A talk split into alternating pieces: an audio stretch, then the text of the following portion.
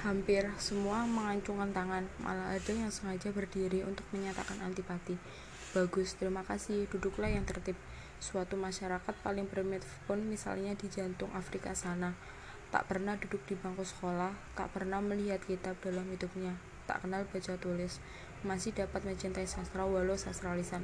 Apa tidak hebat kalau siswa HBS paling tidak nyaris 10 tahun duduk di bangku sekolah? Bisa tidak suka pada sastra dan bahasa. Ya, sungguh hebat. Tak ada yang tertawa dan menertawakannya, sunyi senyap.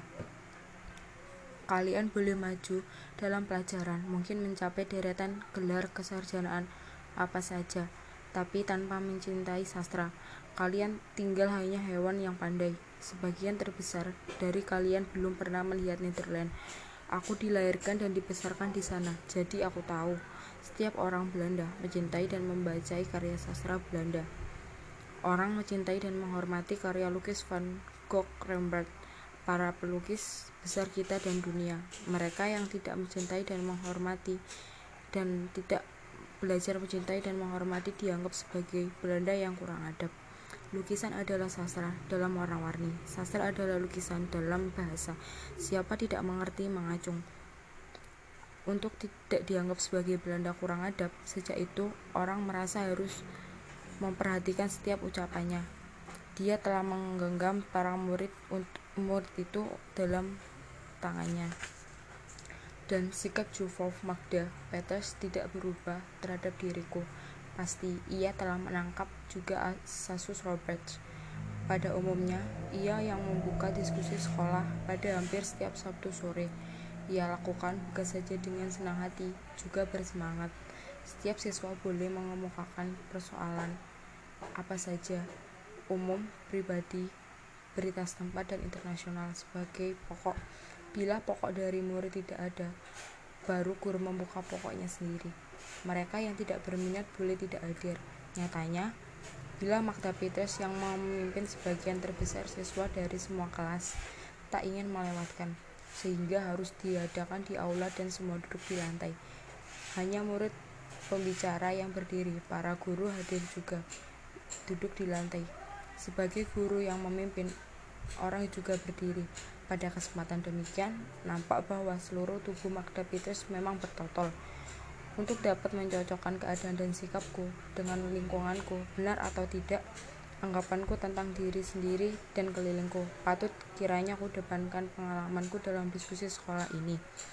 Aku ajukan pertanyaan tentang asosiasi Dr. Snokhorgen.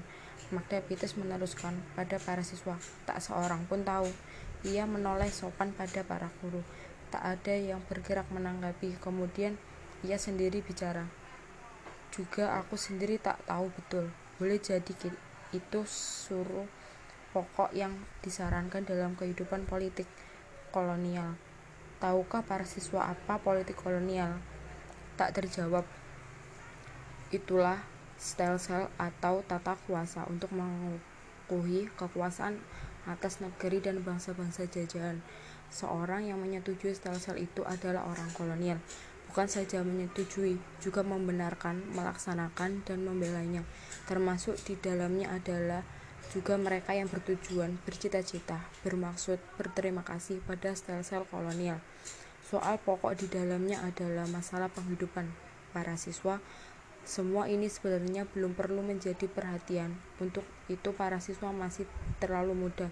Sekiranya hal itu diungkapkan dalam sas karya sastra pasti akan lebih menarik seperti telah Beberapa kali para siswa diperkenalkan pada karya Multatuli. Coba, Minke, kau yang menerangkan apa itu bagian teori asosiasi Dr. Snockhausen.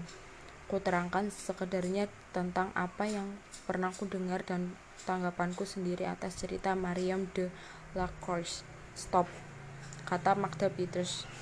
Pokok seperti itu belum boleh dihadapkan di depan sekolah HBS. Terserah kalau di luar sekolah itu adalah urusan Sri Ratu, pemerintah Netherlands, gubernur jenderal dan pemerintah kolonial Hindia Belanda. Sebaiknya kalau ada keinginan para siswa mencari sendiri di luar sekolah karena para siswa tak ada yang punya pokok aku akan ajukan pokokku sendiri baru-baru ini aku temukan sebuah tulisan tentang kehidupan di India. Terlalu sedikit orang menulis tentang ini, karena karena itu justru menarik perhatianku. Boleh jadi penulisan seorang Indo-Eropa. Barangkali kataku ada di antara para siswa pernah membacanya. Judulnya With Beds Coben Living Event in My Burn. Pengarangnya bernama Max Toleran. Beberapa tangan diacungkan. Aku sembunyikan perasaanku. Max Toleran adalah nama penaku. Judul asli telah diubah dan di dalamnya juga terdapat perbaikan redaksi yang tidak semua aku setujui. Jovov Magda Peters mulai membacakan menempatkan tekanan dan tarikan kata sedemikian rupa hingga suaranya menyanyi, menyanyi dan tulisan itu terdengar lebih indah daripada yang ku maksud. Ya, boleh. Dikata terdengar seperti puisi panjang, rimbun, dengan haruan. Hampir orang tak berkedip mendengarkan. Dan selesai pembacaan, orang melepas nafas, bebas dari cengkeraman. Sayang sekali tulisan ini terbit di India tentang Hindia, manusia dan masyarakat Hindia. Jadi tidak memperkenalkan di depan kelas. Nah, kalian salah seorang tampil memberikan uraian atau tanggapan, barangkali juga penilaian. Sekaligus Robert Surhoff bergerak. Ia berdiri di tempatnya, kakinya direnggangkan, dipakukan pada lantai. Seperti khawatir bisa rubuh diterpa angin. Semua mata tertuju pada padanya, hanya aku yang gengsi. Semua mata tertuju padanya, hanya aku yang sangsi. Sebelum memulai ia menoleh pada teman-teman sekolah, barangkali untuk mendapatkan sokongan moral. Sudah empat tulisan Max Torrens ku baca pada waktu belakangan ini. Semua tulisannya sama saja persoalan dan nafasnya, seakan pengarangnya sedang tergenggam kekuatan di luar dirinya. Ya, ya, pengarangnya sedang kena serang demam kapialo. Tulisan-tulisan merupakan igawan panjang dari seorang yang tak kenal diri, lupa daratan. Aku tak kenal siapa itu Max Toran. Hanya dari tulisan-tulisannya dapat kuduga siapa penulis sesungguhnya, karena aku telah menjadi saksi satu-satunya dari rangkaian kejadian dalam tulisan-tulisannya. Jovo Magdapetes rasanya sangat berlebihan kalau tulisan demikian dibicarakan dalam diskusi sekolah HBS. Hanya bikin kotor saja Jovo. Kalau aku tak salah dan aku yakin tidak penulis tersebut bahkan nama keluarga pun tidak punya. Ia diam sebentar menebarkan pandangan pada semua siswa yang sedang dijalari ketegangan. Ia angkat dagu, matanya berbinar dengan kemenangan kurasai satu tembakan terakhir masih akan dilepaskan. Juvo Magdapetes tampak tertegun. Matanya mengedip cepat. Dari semua orang hanya aku seorang yang tahu maksud Robert Surhoff. Pembalasan dendam langsung padaku. Maka juga aku menjadi lebih mengerti. Dialah sesungguhnya yang bermaksud hendak mendekati analis. Tak ada alasan memusuhi dan menghinakan aku di depan umum begini kalau bukan karena cemburu. Ya, sebelumnya dialah yang hendak memiliki analis. Ia bawa aku untuk kemegahan diri dan saksi. Mengapa aku? Karena aku pribumi. Maka ia lebih gampang mempercantik dirinya dengan aku sebagai perbandingan. Tepat seperti adat wanita atasan Eropa di zaman lewat yang membawa monyet ke mana-mana agar kelihatan lebih cantik daripada monyetnya. Ternyata monyet Surhoff itu justru yang mendapatkan analis. Dia Jufov, Surhoff meneruskan, Indo pun bukan. Dia lebih rendah lagi daripada Indo yang tidak diakui ayahnya. Dia seorang inlander, seorang pribumi yang menyelundup di sela-sela peradaban Eropa. Ia membungkuk menghormati gurunya dan juga para guru lain, kemudian duduk gelisah di lantai. Para siswa Robert Surhoff telah menyatakan pendapatnya tentang penulis karangan yang tersebut yang kita semua tidak tahu kecuali dia sendiri. Yang aku harapkan adalah pendapatan tentang tulisan ini. Baiklah, siapa menurut dugaanmu penulis karangan ini. Para murid berpandang pandangan, kemudian pandangan mereka terarah pada teman-teman sendiri yang bukan to totok, bukan Indo, seakan menggarisbawahi ucapan Surhoff yang pribumi pada menunduk. Pandangan orang sebanyak itu terasa menindas sampai ke perut. Aku tahu, muka Surhoff ditunjukkan padaku, yang lain-lain mengikuti contohnya. Jangan, kata hati ini, jangan gentar persetan semua ini. Kalau perlu aku pun ditinggalkan sekolah ini. Sekarang pun boleh. Surhoff berdiri lagi berkata pendek. Penulis itu ada di antara kita sekarang. Rupanya sasusnya telah menjalar ke seluruh sekolahan. Sekarang semua muka diarahkan padaku. Aku tatap Surhoff, seri kemenangan gemerlapan pada matanya. Siapa dia yang di antara kita, Surhoff? Tanya Zhukov Magda Peters. Dengan tudingan Kesar, ia menunjuk padaku. Minke. Magda Peters mengambil setangan dari tas dan menyeka leher. Kemudian dua belah tangannya ia nampak bimbang. Sebentar, ia menoleh pada deretan para guru sebentar padaku, sebentar pada para siswa yang duduk di lantai. Kemudian ia berjalan menghampiri para guru dan tuan direktur yang kebetulan hadir. Ia mengangguk kecil pada mereka.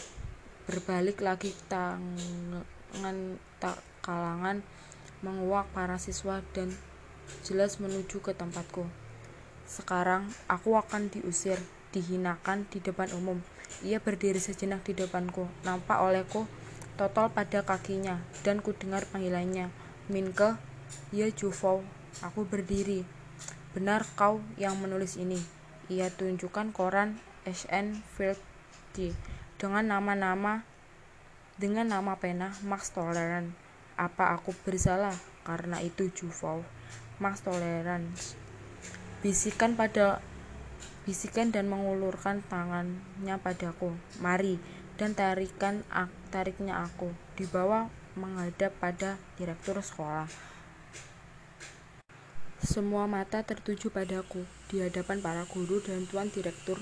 Aku mengangguk menghormati. Mereka membalas tak acuh. Oleh Magda Peters kemudian aku dihadapkan pada semua siswa. Sunyi. Guru perempuan itu masih juga memegangi bahuku. Mungkin pada waktu itu aku sudah pasti tanpa mengetahui apa sesungguhnya dosaku. Para siswa, para guru, dan tuan direktur. Pada hari ini kuperkenalkan, terutama pada para siswa, seorang siswa HBS Surabaya bernama Minke, yang tentu sudah dikenal oleh semua. Tetapi, yang kuperkenalkan bukan Minke yang sudah dikenal itu. Minke dari kualitas lain, seorang Minke yang mahir menggunakan Belanda dalam menyatakan perasaan dan pikiran. Seorang Minke yang sudah senyum menyem seorang Minke yang sudah menyumbangkan sebuah karya. Dia telah mampu menulis tanpa kesalahan dalam bahasa yang bukan dimiliki ibunya. Dia telah dapat mengedepankan sepenggalan kehidupan yang oleh orang lain biarpun dapat dirasakan, tapi tak dapat dinyatakan. Aku bangga punya murid seperti dia. Ia salami aku, tak juga aku disuruhnya pergi. Apa yang terdengar sebagai pujian itu membumbungkan aku semakin tinggi ke atas ujung duri. Kapak terakhir masih kutunggu jatuhnya. Mingke, benar, kau tak punya nama keluarga. Benar, Jufo. Para siswa, nama keluarga hanya satu kebiasaan saja sebelum Napoleon Bonaparte muncul di panggung sejarah Eropa, leluhur kita semua saja juga tak punya nama keluarga. Dan ia mulai bercerita bahwa ketentuan Napoleon itu diundang di seluruh wilayah kekuasaannya. Mereka yang tidak dapat menemukan nama sebaik mungkin untuk dirinya oleh pejabat diberi sekanya dan orang Yahudi diberi nama hewan. Biar begitu, para siswa nama keluarga bukan khas Eropa atau Napoleon yang mengambil gagasan itu dari bangsa-bangsa lain. Jauh sebelum Eropa beradab bangsa Yahudi dan Cina telah menggunakan nama marga. Adanya hubungan dengan bangsa-bangsa lain yang menyebabkan Eropa tahu pentingnya nama keluarga. Ia berhenti. Aku masih juga berdiri jadi tontonan. Apa benar kau bukan Indo, Minke? Suatu pertanyaan formil yang harus kubenarkan. Inlander, Juvov pribumi. Ya, katanya keras-keras. Orang Eropa sendiri yang merasa totok 100% tidak pernah tahu berapa persen darah Asia mengalir dalam tubuhnya. Dari pelajaran sejarah, para siswa tentunya sudah tahu ratusan tahun yang lalu berbagai balantara Asia telah menerjang Eropa dan meninggalkan keturunan Arab, Turki, Mongol dan justru telah setelah Romawi menjadi Kristen. Dan jangan kalian lupa, dalam kekuasaan Romawi, atas bagian-bagian tertentu Eropa darah Asia, mungkin juga Afrika meninggalkan keturunan melalui warga negara Romawi dari berbagai bangsa Asia, Arab, Yahudi, Syria, Mesir. Kesenyapan masih merajalela. Hatiku sekarang kosong tanpa isi, hanya badanku terasa lunglai. Satu-satunya keinginan hanya duduk kembali di lantai. Banyak dari ilmu Eropa berasal dari Asia, malah angka yang saban hari para siswa pergunakan dalam angka Arab, termasuk angka nol. Coba bisa para siswa kiranya bagaimana hitung menghitung tanpa angka Arab dan tanpa nol. Nol pun pada gilirannya berasal dari filsafat. India tahu kalian artinya filsafat. Ya, lain kali saja tentang ini. Nol keadaan kosong. Dari kekosongan terjadi awal. Dari awal terjadi perkembangan sampai ke puncak angka 9 kosong. Berawal la, berawal lagi dalam nilai yang lebih tinggi belasan dan seterusnya. Ratusan ribuan tanpa batas akan lenyap sistem desimal tanpa nol. Dan para siswa harus menghitung dengan angka Romawi. Nama sebagian terbesar kalian nama pribumi angka Romawi. Nama sebagian terbesar kalian, nama pribadi adalah juga nama Asia, karena agama Kristen lahir di Asia. Sekarang, para siswa nampak mulai gelisah di lantai. Kalau pribumi tak punya nama keluarga, memang mereka tidak tahu,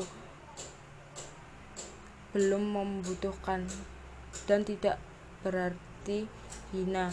Kalau Netherlands tak punya perambanan dan Borobudur, Jelas pada zamannya Jawa lebih maju daripada Netherlands. Kalau Netherlands sampai sekarang tak mempunyainya, ya karena memang tidak membutuhkan. Juvo Magda Petrus, Tuan Direktur menengahi, sebaiknya bubarkan saja diskusi ini. Diskusi sekolah bubar, kecuali Juvo Magda Petrus, nampaknya semua sengaja menjauhi aku. Tak ada orang berseru seperti biasanya, tak ada tawa, tak ada yang berlarian berebut dulu. Semua berjalan tenang dengan kepala syarat penuh pikiran. Jan Dobers, anak yang permunculannya lebih banyak pribumi itu, berdiri pada pagar mengikuti aku dengan pandangannya. Ia selalu mengaku Indo, hanya padaku ia pernah mengaku pribumi.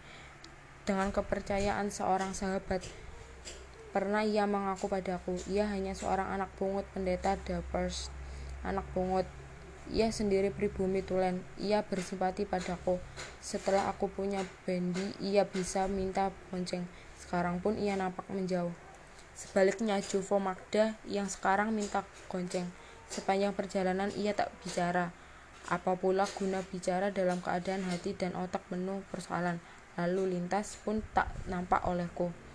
Yang terbayang hanya satu, kegusaran para siswa dan para guru pada Mukta Petrus terluka keeropaan mereka. Sekali dua kali ku ketahui Juvo mengawasi aku dari samping. Sayang sekali, desisnya pada angin. Aku pura-pura tak dengar. Bendi berhenti di depanku.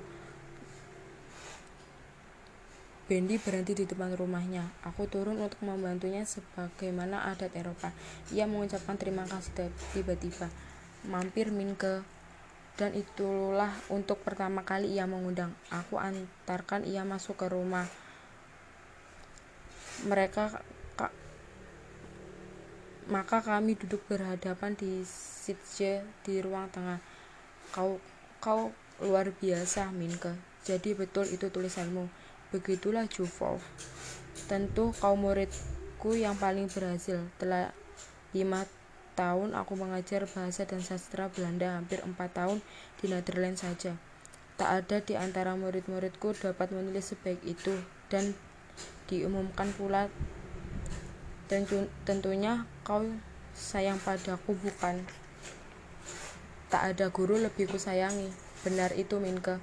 Sejujur hati Jufo sudah kuduga kau pasti mengikuti semua pelajaranku dengan cermat dengan otak dan hati kalau tidak tidak mungkin kau bisa menulis sebagus itu kau tak gusar pada Surhoff kan tidak Jufor kau betul Kau jauh lebih berharga daripada dia. Kau telah membuktikan apa yang kau bisa. Memang, malu mendengar sanjungan seperti itu. Disuruhnya aku berdiri. Setidak-tidak, setidak-tidaknya, Minke jeripayaku selama lima tahun ini ada hasilnya juga. Ia tarik aku ke dekatnya. Dengan terkejut, aku telah berada dalam pelukannya dan diciumnya aku sampai pengap sampai pengap. Setiap hari aku masih memerlukan datang ke rumah Jane, menjemput atau mengantarkan Mei atau untuk menyerahkan order baru, biarpun hanya untuk 1-2 menit. Juga aku perlukan menengok ke rumah pemondokanku. Dengan Bendy sendiri memang lebih mudah melakukan pekerjaan mencari order, menulis teks, ad, ad untuk koran, koran lelang dan menulis untuk yang lain. Waktu rasanya menjadi lebih panjang. Sampai di Wonokromo, tenagaku sudah atau hampir habis dan kebetulan dan kuperlukan tidur sebentar. Biasanya analis yang membangunkan, membawakan anduk bersih dan menyuruh aku mandi. Setelah itu kami duduk mengobrol atau membaca koran terbitan Hindia atau majalah terbitan Netherlands. Di malam hari aku bekerja, belajar atau menulis sambil menunggu analis di kamarnya. Kesehatannya makin pulih, tapi ia belum mulai bekerja seperti biasa. Mama terlalu sibuk bekerja di kantor dan di belakang, tak mempunyai waktu untuk kami berdua di siang hari. Pada malam seperti pada malam-malam belakangan ini, aku duduk pada meja di dalam kamar analis. Ia sedang membaca Devo Robinson Course terjemahan Belanda yang setiap halaman terbagi dalam dua kolom. Telah aku susunkan daftar buku yang harus yang harus ia baca. Semua buku remaja Dumas dan Stevenson. Ia harus menye, ia harus selesaikan dalam satu bulan. Dan di sampingnya tergeletak kamus tua yang tiap hari dipergunakan. Mama, kamus tua yang dalam 10 tahun belakangan ini sudah tak dapat menjawab perkembangan baru. Aku duduk di seberangnya, membaca surat Miriam dan Sarah sebelum menulis cerita yang akan berjudul Anak Ayah. Yang aku maksudkan tak lain dari Robert Milema. Surat Miriam sekali ini semakin marak. Ia Ingat kiranya kau pada yang lain. Itu, aku telah menerima surat dari Netherlands dari seorang teman sahabat yang mengenal keadaan di Afrika Selatan di daerah Transvaal. Penulis surat itu pulang ke Netherlands. Setelah cedera di dalam suatu pertempuran pendek, ia sendiri pernah dalam suatu kesatuan dengan yang lain. Itu Pasukannya berada di bawah seorang komandan bernama Milema, seorang insinyur muda yang sangat keras, berani, penuh ambisi katanya. Sahabat, senang sekali menerima suratnya. Sama senangnya dengan menerima kepunyaanmu. Di dalamnya, sahabat, ada suatu hal yang mungkin bisa bisa jadi perhatianmu. Yang lain, itu mungkin beberapa tahun saja lebih tua daripadaku, terpanggil oleh seruan bangsa Belanda di Afrika Selatan untuk merebut dan mempertahankan kemerdekaannya dari Inggris. Tanpa pikir panjang, ia berangkat ke sana dan mendapatkan kekecewaan besar. Walaupun sedikit perang Afrika Selatan ada juga diumumkan dalam koran Hindia, hanya banyak yang tidak pernah diberitakan secara wajar. Bangsa Belanda imigran di sana, sahabat. Aku kira gurumu tersayang, Magda Peters, perhatiannya terlalu sedikit tentang perang.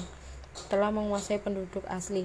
Pada gilirannya, Belanda imigran diperintah kekuasaan Inggris. Kekuasaan pendatang dari Eropa juga inilah kekuasaan berlapis-lapis dengan pribumi di tempat paling bawah. Bayangkan sah sahabat kan itu sama dengan keadaan di India sejauh pernah dikatakan papa. Memang ada perbedaan kecil, tapi tak mengurangi wujudnya. Pribumi Hindia bukankah dikuasai para pembesarnya, raja-raja, sultan-sultan, dan para bupati. Pada gilirannya pemerintah coklat ini dikuasai oleh pemerintah putih, para raja, sultan, dan bupati dengan semua alatnya di sana. Alatnya di sini sama dengan kekuasaan Belanda imigran di Afrika Selatan. Sahabat yang lain itu menanggung kecewa setelah tahu perang antara Inggris dan bangsa Boer, bangsa Belanda imigran itu. Cuma hendak memperebutkan kekuasaan mutlak atas tanah, emas, dan pribuminya. Pemuda-pemuda Belanda yang terpanggil ke sana dari semua penjuru dunia ternyata hanya datang untuk cedera atau mati buat satu perkara yang tidak punya kepentingan nasional Belanda. Sedang yang lain itu, kata surat itu, melihat keadaan pribumi Afrika Selatan sejauh lebih buruk daripada pribumi Hindia, jauh lebih buruk daripada di Aceh. Kalau ia membenarkan dirinya, katanya, ia merasa tak beda dengan serdadu komponi di Aceh. Sungguh keinsafan yang terlambat. Itu pun karena pertemuan tak terduga dengan penduduk bukan kulit putih, juga bukan hitam, bernama Mark Wongs. Orang itu sahabat hanya seorang dari sekian banyak petani yang bukan pribumi yang bisa berbahasa Jawa. Dia dan mereka itu, biarpun berbicara Afrikan, adalah bangsa Slamer, sebangsamu sendiri. Mat Wongs tak lain dari nama yang sudah disesukan, disesuaikan dengan bahasa Afrika. Semestinya kiraku Mardi Wongso dan Bangsa Selamir tak lain dari keturunan pribumi Jawa dan Bugis Makassar, Madura yang dahulu dibuang kompani ke Afrika Selatan. Menarik kan? Nah, sahabat, pasukan melemah begitu tul begitu tulis teman dari Netherlands itu memasuki rumah besar Mark Wongs minta penginapan. Orang tua yang sudah serba putih itu bukan saja menolak, malah mengusir mereka yang dengan garang mele melemah naik hitam mengancam hendak menembak. Matwas meradang apalagi kalian? Belanda kehendaki di Jawa hak. Milik kami kalian rampas kebebasan kami kalian rampas. Di sini kalian mengemis minta naungan di bawah atapku. Apa kau tak pernah diajari arti perampasan dan pengemisan? Tembak. Ini ada Mart Wongs bayang bayangan dari selebar daun atap dan lindungi dan lindungan dari sebilah papan rumah ini tak rela ku berikan. Pergi, heran, sahabat, melema kala wibawa. Dengan pasukannya, ia terpaksa menginap di bawah langit terbuka. Nah, peristiwa itu hanya menyadarkan yang lain. Sekarang ia tahu kebencian pribumi Hindia terhadap Belanda. Ia insaf. Ragunya bukan pendukung cita citra mulia hanya citra kolonial semata. Ia malu telah menem, telah tempatkan diri. Pikirannya kacau. Ia pernah bermimpi jadi pahlawan menyumbangkan sesuatu pada umat is, umat manusia. Kini ia sedang di tengah medan kezaliman. Kasihan yang lain itu paginya pasukan itu melakukan penyerbuan ter terhadap tempat yang dikuasai oleh pasukan South African League Horse Inggris. Orang bilang, tulis temanku itu, pasukan itu dampingi dipimpin oleh Letnan W.C. dari jurusan lain. Pasukan berdalam jumlah besar telah menyerang lebih dulu, dihadapi, terdesak, nyaris terkepung dan dibinaskan. Pada saat genting mas pasukan melema menyergap punggung musuh, Inggris terkejut, sibak belah dan buyar dalam serangan ganti dari dua jurusan. Tempat itu jatuh ke tanah ke tangan Burr. Tetapi sahabatku yang lain itu bertembak dan tertawan. Tulis temanku itu. Dia mungkin diangkut sebagai tawanan perang perang ke Inggris pada hari-hari terakhir itu tak ia tak habis-habis menyelesai menyesali kebodohannya. Maksudku menyampaikan ini, sahabat, tak lain untuk tambahan pemandangan tentang hal yang tidak banyak diumumkan di India. Kan yang kau baca di koran hanya ke kejaman Inggris dan kemenangan Belanda. Sebaliknya, menurut Papa, hari-harian Inggris memberikan keganasan dan kesekakaran Belanda terhadap penduduk pribumi. Tetap tak ada satu koran baik di Netherlands, Inggris, apalagi India yang bicara tentang pribumi Afrika Selatan. Jangan ditanya lagi tentang bangsa Selameri itu betul aneh di dunia ini kan. Kiranya lebih beruntung pribumi Jawa ada or, ada beberapa orang yang telah angkat bicara untuk kepentingan mereka. Ya, sekalipun suara mereka redam, tenggelam dalam Rio. Rendah birokrasi malah kita sebelum lagi mencoba bicara dan menyoroti soal ini. Marilah pada kesempatan lain kita coba setujukan. Nah Minke sahabat jangan sebar jangan biarkan aku menunggu suratmu terlalu lama. Miriam de la Corse surat Sarah lain lagi tulisannya kalau Juvov Magda Petrus tak tahu tentang teori asosiasi kami sepenuhnya dapat mengerti. Miriam dan aku pun sebenarnya tak tahu apa-apa kecuali yang pernah kami katakan itu saja lebih baik, lebih tidak.